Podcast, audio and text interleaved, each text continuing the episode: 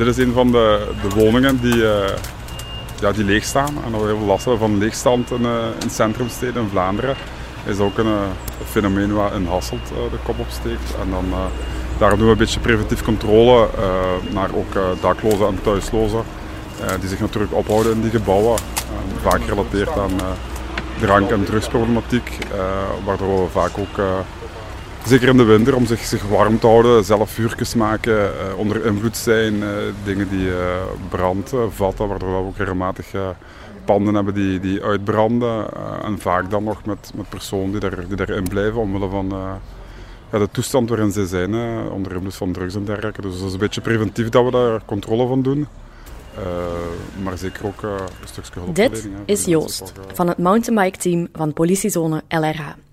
We hebben op een vrijdagochtend in december, vlak voor kerstmis, afgesproken aan een kraakpand in Hasselt. Het is een regenachtige dag, maar gelukkig niet al te koud. Joost gaat de tuin van het huis in om te controleren of het niet opnieuw gekraakt is. We gaan een deur staan, want het is wel dicht, maar.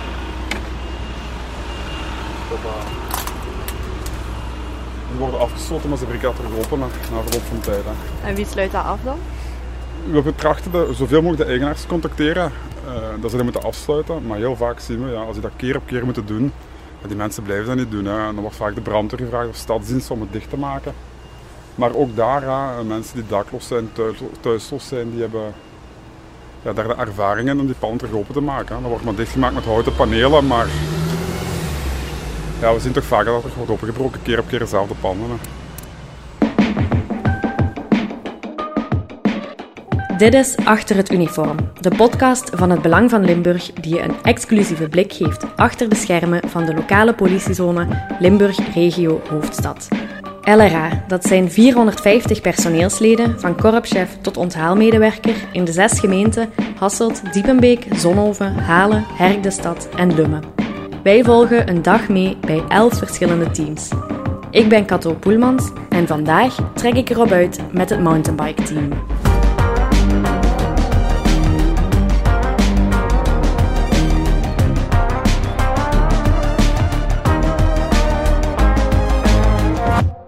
Het bezoek aan het kraakpand leverde niks op. De deur en de ramen achteraan waren nog netjes dichtgetimmerd. Des te beter dus eigenlijk. Een paar weken later komt Joost naar de redactie van het Belang van Limburg voor een interview over zijn werk. Deze keer zitten we gelukkig wel droog en warm. Joost is trouwens niet zomaar lid van het fietsteam van LRH, hij is ook de teamchef. Ja, het mountainbike-team in de, de PZ LRH bestond al van voordat ik toekwam hier in, in Hasselt. Dus ik denk dat we hier toch nog moeten spreken over een, vijftiental jaren dat het bestaat. In zijn huidige context denk ik wel dat we de laatste jaren ehm, enorme stappen voorwaarts hebben gezet. Vooral in zaken eh, materiaal, kledij, opleidingen, uh, inzet. daar zijn we echt wel uh, met rassenschreden vooruit gegaan. Dat we eigenlijk zelfs op het punt gekomen zijn dat we, dat we even gaan, gaan het laten functioneren zoals het is en zien wat, we de volgende jaren nog kunnen veranderen. En we zijn ook het enige fietsteam, het politiefietsteam in Limburg. Dus dat is ook wel iets waar waar ik ook wel fier op ben, uh, dat ik daar mag eh, deel van uitmaken. Ja, en het klinkt bijna als cliché, maar uiteindelijk is dat een beetje van, van je hobby een beroep maken. Hè. Ik, fiets zelf heel graag en, en als je dat dan kunt combineren in je werk, is dat, is dat super plezant. Maar ja, de huidige context is gewoon dat we anno 2023 in, in de huidige maatschappij zie je meer en meer dat, dat de fiets ja, de auto vervangt eigenlijk. Hè. Centrumsteden veranderen, worden verkeersvrij, worden verkeersluw, waardoor je eigenlijk met, met een auto of een combi in ons geval heel moeilijk nog kunt, kunt patrouilleren. En wat dan het alternatief is, de fiets. Ja, als je dan het geheel bekijkt, is dat financieel voordelig, ecologisch voordelig. We beginnen uitstoot, het zorgt voor het fysieke aspect van de, uh, de medewerkers, het mentale aspect. Ja, ik, ik, zie dat in andere centrumsteden ook. Hè. Als je dan je uh, collega's van andere politiezones, van centrumsteden, want uiteindelijk... ja, de, de fietsteams is wel zo een niche, uh, wereldje op zich.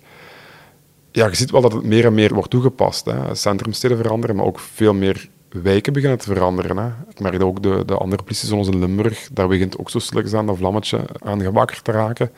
Dus ik denk dat we, dat we wel in een verhaal zitten waar, waar heel veel toekomstmuziek in, uh, in zit en wat hopelijk uh, nog verder uitgebouwd kan worden. Hoewel LRA dus het enige fietsteam in Limburg heeft, is het ook nog geen autonoom team.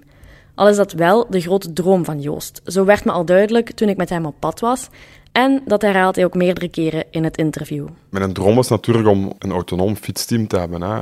Daarmee bedoel ik dat, dat die jongens uh, en ik zelf enkel maar de, de functie hebben van het fietsteam. Nu doen zij ook nog interventieteam. Ik ben ook nog teamchef van interventiepoelen. Um, maar ja, mijn droom is om, om, om enkel 100% eh, met dat fietsen bezig te zijn. Mijn officieren weten dat, de korpsleiding weet dat ook. En ik denk soms als ik weer daar ben een vragen, dat ze al weten van ah, hij is weer daar met zijn vraag voor zijn autonoom team.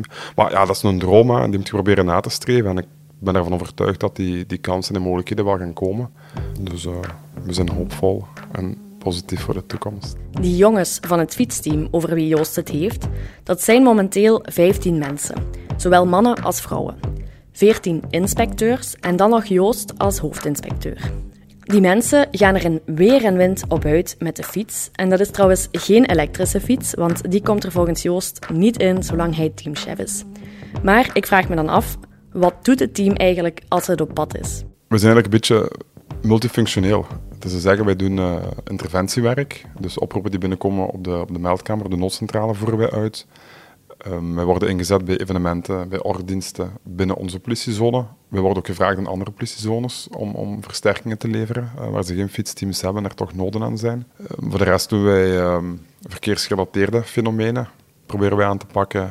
wij werken op overlastfenomenen, wij ondersteunen de wijkwerking, het grote voordeel van ons fietsteam is dat we multifunctioneel zijn. Maar uh, dat heeft natuurlijk ook nadelen, omdat je niet 100% in een bepaald niche past. Ik vergelijk dat soms wel een beetje met een KitchenAid. Daar kun je ook van alles mee doen.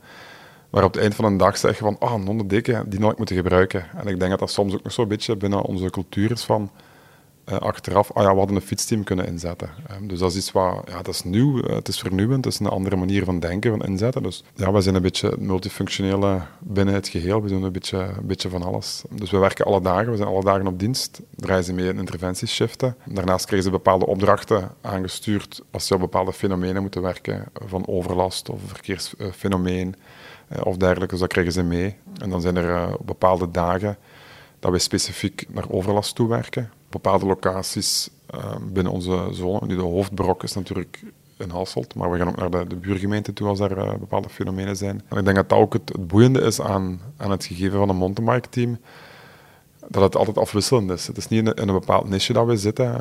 Je, je komt op verschillende plaatsen, uh, verschillende diensten. En, en, dat houdt het ook wel, wel leuk om bij het fietsteam te kunnen zijn. Maar er is toch ook één ding dat het fietsteam niet kan? Het enige wat we... Eigenlijk doen we 99% van het werk kunnen we doen. Het enige wat we niet kunnen doen is, iemand overbrengen. Hè, een arrestant overbrengen naar het bureau.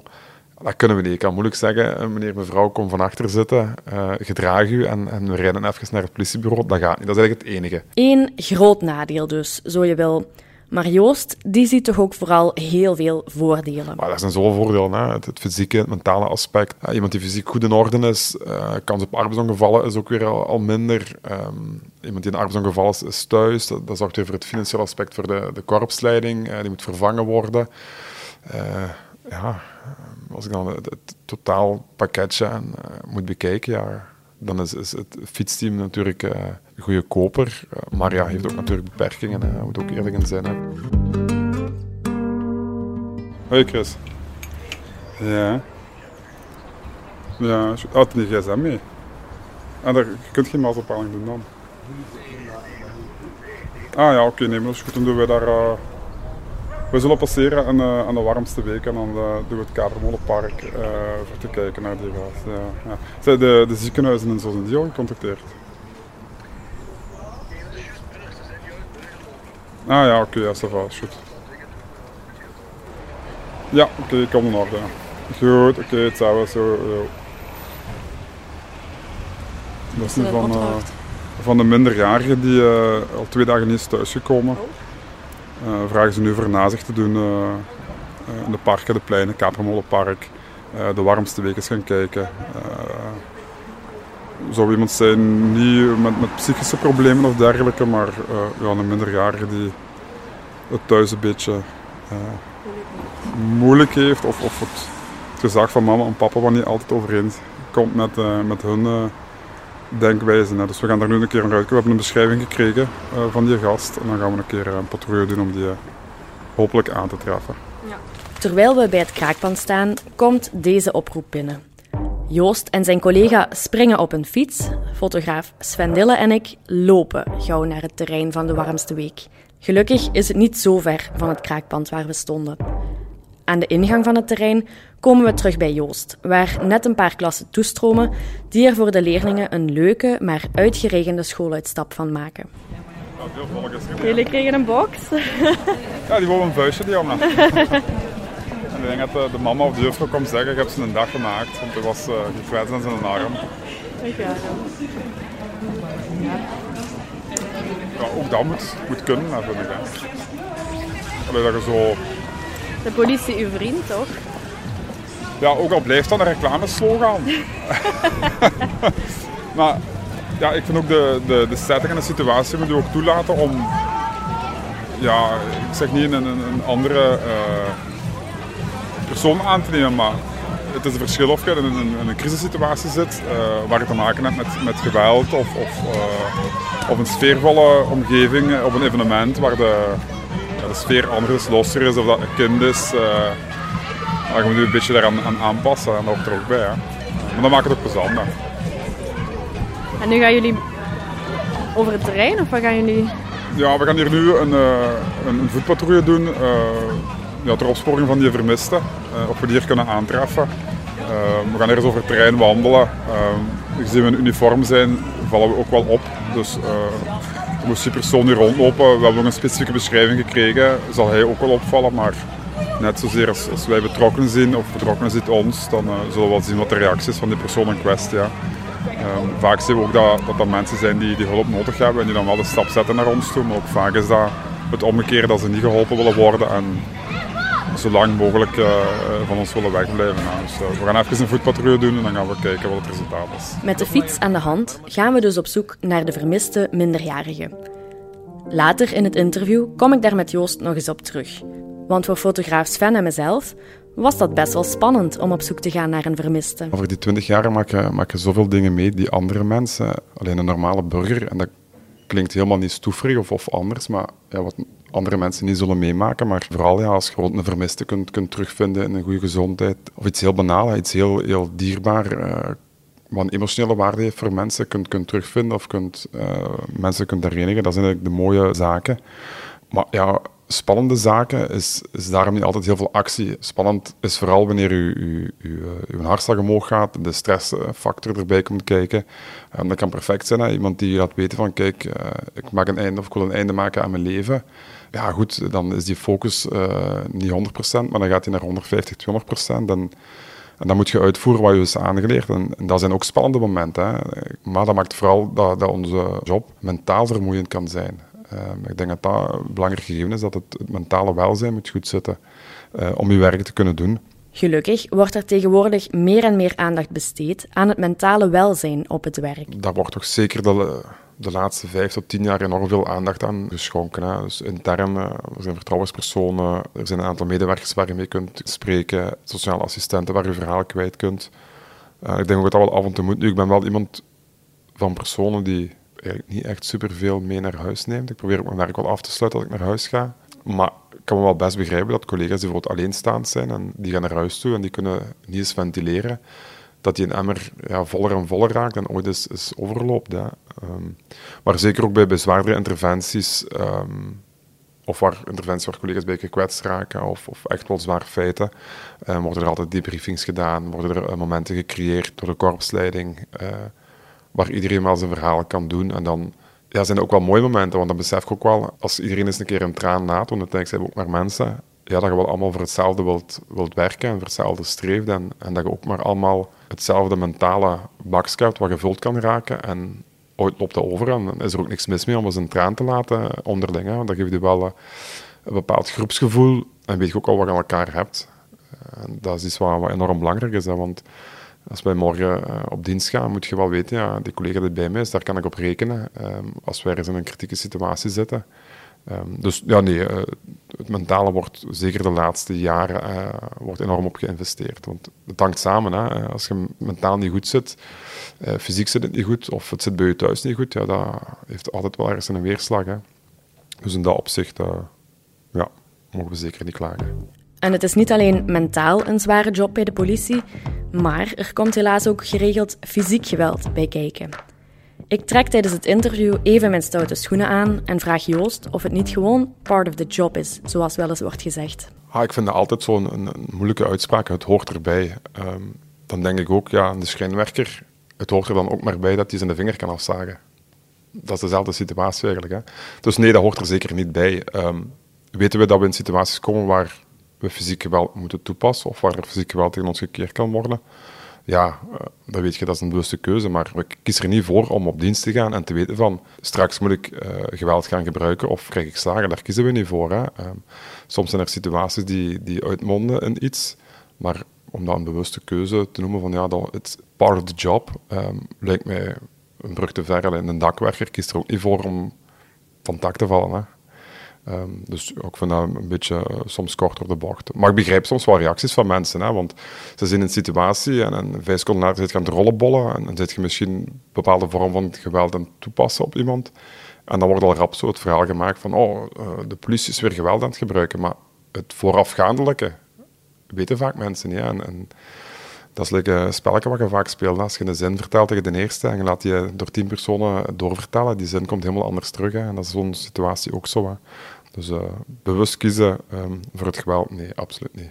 Uh, en daar worden we ook op getraind hè, om, om die communicatie met mensen uh, en die geweldspiraal zo laag mogelijk te houden. Hè. Niemand houdt ervan, hè. daar moeten we eerlijk in zijn. Hè. En dan ben ik toch wel wat nieuwsgierig. Geweld is er dus wel, maar betekent dat ook dat Joost zijn wapen al heeft moeten gebruiken? Ik heb, en dat is de, de heilige stelling die ik altijd zeg, als ik later op pensioen mag gaan en ik heb nooit mijn dienstwapen effectief moeten gebruiken, dus moeten schieten, uh, ben ik een hele gelukkige mens. Heb ik dat al moeten gebruiken? Ja, tuurlijk heb ik dat al moeten trekken in situaties om de persoon te sommeren, of bij, bij een voertuig wat te stoppen, of de verzoekingen van gebouwen, bij een inbraakalarm.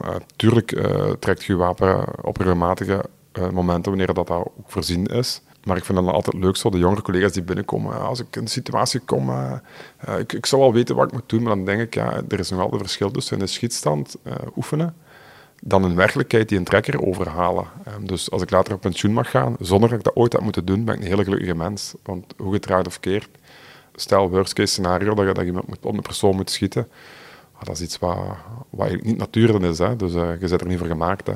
dus moeten gebruiken. Dus in functie van uh, het moeten trekken en, en moeten uh, sommeren, zo moeten richten, uh, in bepaalde situaties, ja, zeker en vast, op regelmatige tijdstippen, um, effectief moeten schieten. Nee, nog nooit en hopelijk ook nooit.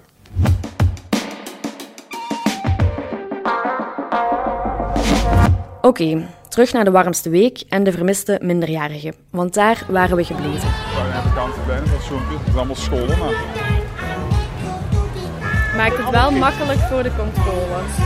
Uh, dat wel, ja. Minder volk, uh, hoe makkelijker je er iemand kunt uithalen natuurlijk. Hè.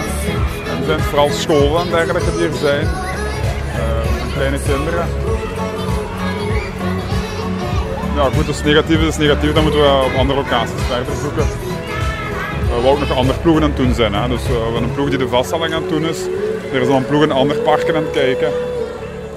De jongen liep dus niet rond op de warmste week, maar andere ploegen gingen intussen ook nog op andere locaties zoeken. En dan zit het erop voor ons. Joost en zijn collega waren al van 6 uur s morgens bezig, dus hun vroege shift is klaar nu. En ook Sven en ik kunnen dus vertrekken. En dat vinden we eerlijk gezegd niet eens zo heel erg, want intussen regent het pijpenstelen. Dan kunnen wij kunt je ook terug. Opwarmen. Opwarmen of toch wel ja, even handen. Ja. Het is niet ja, echt koud vind ik het. Ja, misschien omdat jij wel een hele dag op gang zit. Hè, maar... Het is dus een bal op de radio. Het is niet koud. Doe echt maar. Jij, ah, je hebt een oortje. Ik ja, zeggen, hoort ja. jij dat? Ah, ja. Dat is dan een babbel. Is dat handiger met een oortje? Ja. Ook voor het... Uh, als je bij... Privacy en zo. Ja, voilà. Ja. Als je, uh, er staat bij veel mensen rond. Niet iedereen moet alles horen op de radio. En zeker niet als er... Ja, uh, gegevens van de persoon worden mm. ja, meegedeeld. Dan, dan zijn die uh, Alera 030 voor de Alera 450. Uh, Alera 030. Uh, de nazicht naar die vermiste op uh, de site van de warmste week is negatief. Over. Later in het interview met Joost heb ik het ook nog over iets wat me opviel toen we met hem mee waren. Dat politieuniform werkt echt ongelooflijk als een magneet en trekt mensen aan. Want we werden die dag verschillende keren zomaar aangesproken. Of er kwamen, zoals die jongen van daar straks, kinderen een vuistje geven. Is dat altijd zo als politieman? We zijn aanspreekbaar, we zijn, we zichtbaar. Het geeft toch zo'n ander gevoel bij mensen. In een combi heb je zo die metalen barrière van je auto.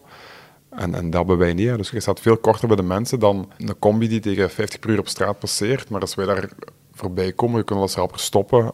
Um, de jongens lachen er altijd bij. Uh, als ze dan een keer een, even uh, halt houden op de grote markt. Hoeveel mensen u komen aanspreken voor uh, welke straat ligt daar en, en, waar is die winkel en waar is die straat. En dan denk ik, ja, we zijn 2023, iedereen heeft een smartphone, zit dag in dag uit op zijn smartphone en toch komen mensen nog die vraag stellen. Ik zou bijvoorbeeld nooit in mijn hoofd ophalen om die vraag te gaan stellen aan de politieagent. Ik pak de gsm of, of dergelijke. Maar ja, blijkbaar is dat toch iets wat mensen triggert om, om vragen te komen stellen. Dus, uh, ja, en ook, ook uh, het ontradende effect, hè, hoe het raad of verkeerd in, de winkelstraat naar uh, gauwdiefstallen. Um, het, het, feit dat je zichtbaar aanwezig bent, ja, creëert ook binnen het, het, criminele wereldje het feit van, oh, er is politie aanwezig, ja, dat schrikt ook gewoon soms af. Dus het is een beetje uh, twee werelden. Hè. Je wilt het preventieve, zichtbaar aanwezig zijn en spreekbaar zijn, maar ook het ontradende effect wat meespeelt in dat gegeven.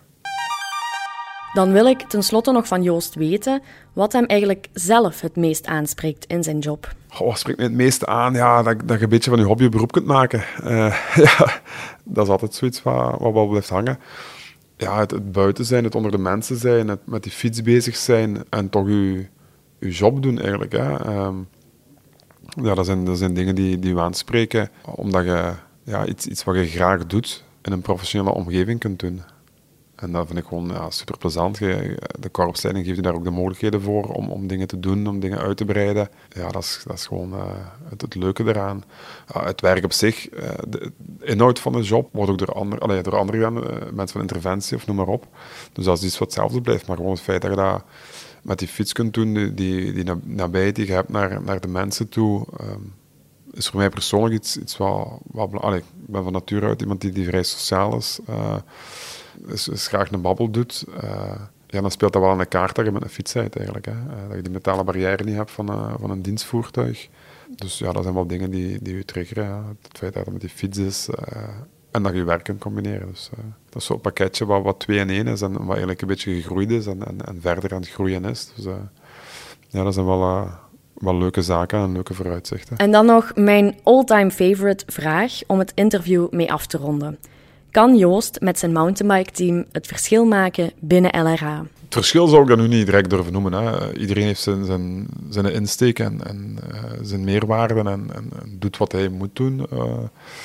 Zoals we het ook moeten doen, want dat is ook een belangrijke. We hebben andere opportuniteiten dan, dan als je met een combi rondrijdt. Dus in die zin denk ik wel dat wij iets specifiek kunnen, maar om te zeggen dat wij de missing links zijn. Helemaal niet. Hè. Bedoel, onze organisatie bestaat uit zo verschillende facetten die, die allemaal moeten samenwerken om tot een geheel te komen. En ja, dat fietsgegeven is iets, iets nieuw, hè, wat, wat goed 10, 15 jaar bestaat in, in Vlaanderen. Um, wat nu aan het accelereren is uh, in heel Vlaanderen, in de provincie Limburg. Um, ja, en iets wat nieuw is, is altijd zo'n beetje onbekend. Hè. Mensen hebben vaak schrik voor veranderingen, maar soms moet je die verandering juist een keer proberen om dan misschien te kunnen vaststellen van, oh ja, dit is, is, wel, wel handig, dit is wel, uh, wel oké. En als het niet werkt, ja, dan, dan werkt het niet natuurlijk. Maar ik denk dat we aan het evolueren zijn binnen onze maatschappij, binnen onze organisatie, dat, dat die fiets iets is wat, niet meer gaat verdwijnen. Maar ik denk dat de korpsleiding daar ook wel van overtuigd is. En, en de bestuurlijke overheden van onze politiezone is er ook van overtuigd. Er wordt goed in geïnvesteerd. Maar ja, je moet blijven evolueren en, en, en blijven groeien en je aanpassen aan de, de noden en wensen van de, maatschappij een beetje. Hè. Dus uh, zit er toekomstmuziek in? Ja, zeker. Is nog werk aan de winkel? Ook. Maar uh, dat doen we met alle plezier. Dat is iets. Als je geïnteresseerd bent in een bepaalde materie, uh, zorgt ook ervoor dat je die dingen graag doet.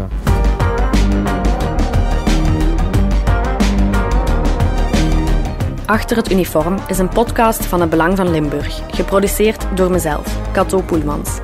Montage en afwerking door de buren. De muziek is het werk van Stef Leenaerts van House of Media.